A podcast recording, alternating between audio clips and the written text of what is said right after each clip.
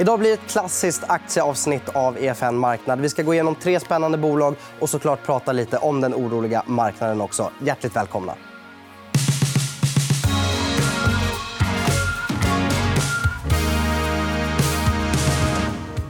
Och med mig i studion för att prata om detta har jag Erika Madebrink. Välkommen hit. Tack så mycket. Du förvaltar ju... eh, Hur ska man förklara? Det är inte vilken fond eller vilka fonder som helst. att säga. Utan, eh, ja, vill du förklara?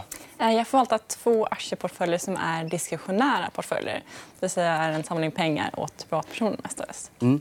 Och det kanske är skönt då, för att nu när det varit lite oroligt så kanske det inte är lika slaget med pengar ut, pengar in, uttag, inflöden, eller?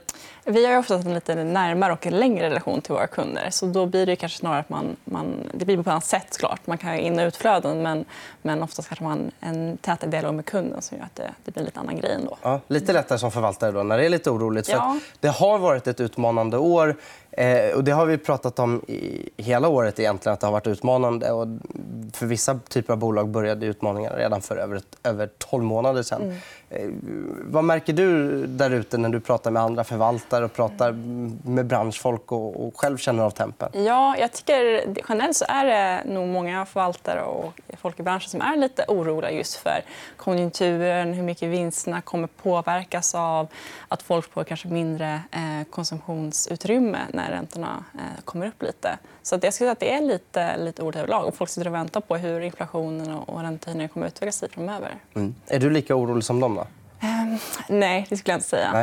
Eh, det kan man inte vara när man är, när man är en optimistisk aktieförvaltare. Ja. Ehm, för i grund och botten så är ju aktier det är ett, ett maraton och inte en sprint. Utan man får sitta och tänka på, på lång sikt vad, vad kommer bli bra och vad är bäst att göra. Eh, och då, då, det kommer alltid det kommer bli bra till slut. Det är ditt jobb att vara optimist och få räntemarknaden att vara rädda istället? Ja. Ja, som, som det brukar vara. Mm. Eh, och vi ska prata om tre bolag här idag som du av olika skäl gillar. Eh, några lite större, några lite mindre. Eh, jag tänkte vi börjar med det som kanske flest, allra flest känner till. Thule. Takboxar. Ja. Som du gillar därför att... Ja, Thule är ett riktigt kvalitetsbolag, tycker jag. kvalitetscase. Eh, I sina oroliga tider så vill man gärna ha bolag som har någon form av eh, långsiktig konkurrensfördel, stark position, stark position på marknaden. Och Thule har ju ett väldigt fint varumärke som gör att de över tid kan eh, ta ut väldigt bra marginaler och ha en stabil lönsamhet. Eh, och på det så har man en fin 10 tillväxt kanske. Så eh, det, det, det är något som man verkligen gillar i det här klimatet. Mm. Och någonting som eh, många oroar sig för när man lyssnar om Thule är att ja, men har det inte smugit sig in lite pandemieffekt, positiv sådan i siffrorna, semestra hemma och så vidare och, och att det nu ska dras tillbaka, så att säga, att det blir tuffa jämförelsetal och så där. Vad tror du om det? Det kan det absolut vara till viss del. Ehm, Som du säger har vi fått väldigt starkt medvind under pandemin. Ehm, Folk har haft mycket tid att att göra alla utomhusaktiviteterna som man kanske gör när man, eh, som man behöver dess produkter till. Ehm, Men samtidigt som man ser hur aktiemarknaden har handlat aktien i år så räknar nästan marknaden att de kommer krympa minska vinsten med kanske 30 eh, Så tror man då att de bara kommer minska vinsten med 15-20 så är det ett väldigt bra case, väldigt bra köptillfälle att, att ta in ett sånt här kvalitetsbolag i portföljen just nu. Så, så finns en, en befogad oro för att vinsten kanske kommer ner lite men, men en för stor oro låter Ja, som. det, det tycker jag definitivt. Ja, ja. Hur ser det ut med konkurrens? Då? Ja, eh, men det är klart det finns konkurrens. Som Ja. jag sagt så just varumärket är ju en väldigt stark grej. Jag tycker det, man ser det hela tiden när man är ute och kollar att folk, eh, folk vill ha eh, kvalitet eh, och är beredda att betala för det. Eh, men, eh, men Vi går vidare till ett bolag som heter Opticept eh, som, som eh, bytt namn från Optifreeze. Och, och Mm. Vi pratade lite innan. här. Du sa att det, det är egentligen också en, en fusion där man gick tillbaka till samma konstellation som man en gång var. Ja, kan du förklara det? Precis. Det var väl, eh, som jag förstått det, att de, de knoppade av eh, Arcaroma, tror jag det hette, eh, som de sen fusionerade med igen då, eh, för att de kom fram till att det ändå var bättre att ha var ett bolag. Eh, men det är då ett bolag som gör väldigt innovativ teknologi för att optimera bio- biologiska processer säger de då, för livsmedels och växtindustrin. Branschen. Så det de har näst ut i pipeline, som ligger närmast kommersiell fas, är Optibus, deras teknologi för snittblommor. Och här har man ju fått ett av, tecknat avtal med Dagab eh, nu i år eh, där de ska behandla då alla deras rosor i första steget eh, och förhoppningsvis också alla snittblommor. Så om du går till Willys eller Hemköp så kommer du kunna köpa snittblommor som är behandlade med deras teknologi som gör då förlänger hållbarheten. Mm. Och, och, för de som inte är så inkörda på det här bolaget, så den här teknologin bygger på att de har en specialvariant av att frysa in så att säga, på ett sätt som men... inte skadar cellen, eller hur? Precis. De har lite olika teknologier som de eh, använder. Ja. Eh, för snittblomma så är det nog framförallt att de fusionerar in en näringsvätska som gör att liksom, cellerna klarar av att leva lite längre och bättre. Så, så de ska hålla längre? Ja, men precis. Ja. Så de har ju, hållbarheten förlängs med upp till dubbelt så lång tid.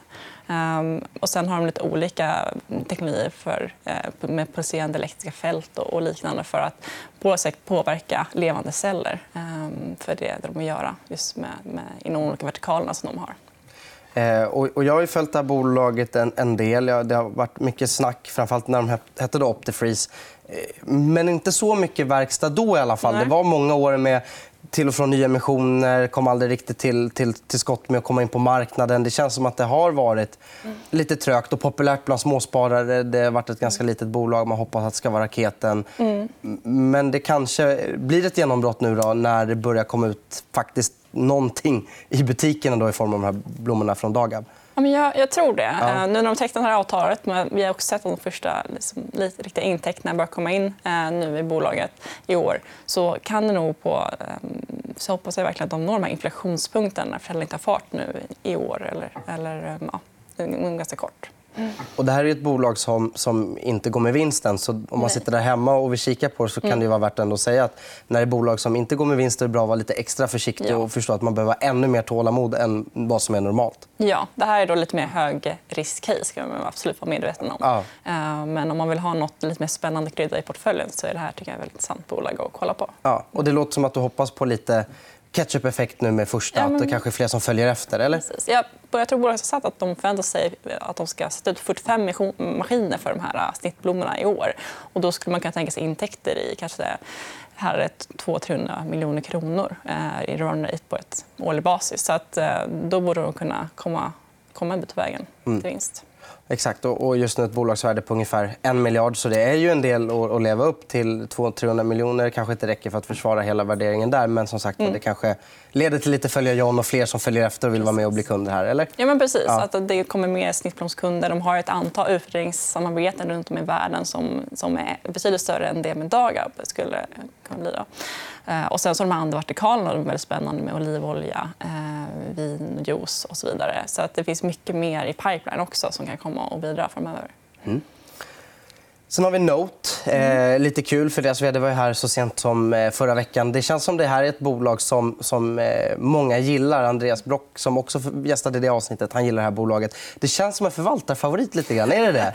jo, men det är det nog. Ja. Um, det, det kanske skiljer sig lite från de andra case. Det, Opticept och Tulla har ju väldigt liksom, har eller har potentiellt väldigt starka marknadspositioner. Note är ju något bolag som kanske snarare gynnas av att de har väldigt gynnas av de utmaningar som vi ser nu i, i världsekonomin och de, de, de vindar som blåser. helt enkelt.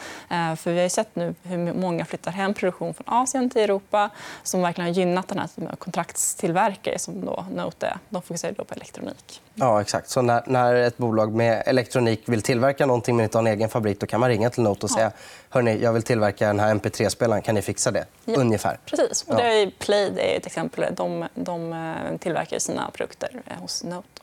Mm.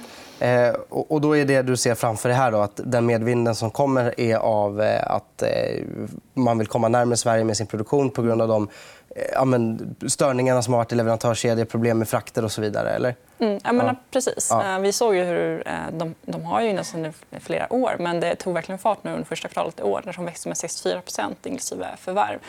Så att det är det ser framför mig, att den, att den trenden kommer fortsätta. De har en väldigt lång historik av fina, stabila marginaler. Också, det är definitivt också ett kvitto på att det är ett välskött bolag i grund och botten. De har en stor huvudägare av kött och blod som heter Johan Hagberg och äger drygt 20 Så det är den typen av kvalitetstecken har de. Mm. Och hur värderingarna? Får man betala mycket för det här? Eller?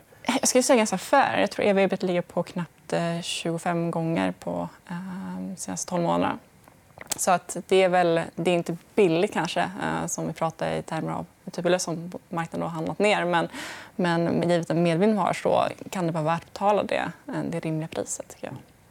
Och vad kan orosmolnen vara? Är det om konjunkturen börjar vika generellt? Eller, men då kanske det blir problem för alla bolag. i och för sig. Ja, ja men precis. Eh, det är väl ett, eh, en, ett oro man kan ha. Eh, och också såklart att med då någon gång så, när det blir en ökad efterfrågan på potatistillverkning i Europa så kommer fler vilja starta den typen av bolag, driva den typen av bolag. Så ökad konkurrens på liksom, medellång till lång sikt är något man ska vara medveten om. Mm, mm. Och just det här om att produktion flyttas hem till Sverige det var eh, någonting som, som vd när han var här förra veckan själv nämnde också som mm. någonting de tror att de drar nytta av och hoppas kunna fortsätta dra nytta av. Så att, eh, ja, vi får se om ni två får rätt. Mm. Tack så mycket för att du kom hit, Erika Madebrink. Tack. Och det var hela avsnittet. Vi är tillbaka igen på onsdag. Ta hand om er. Hej då.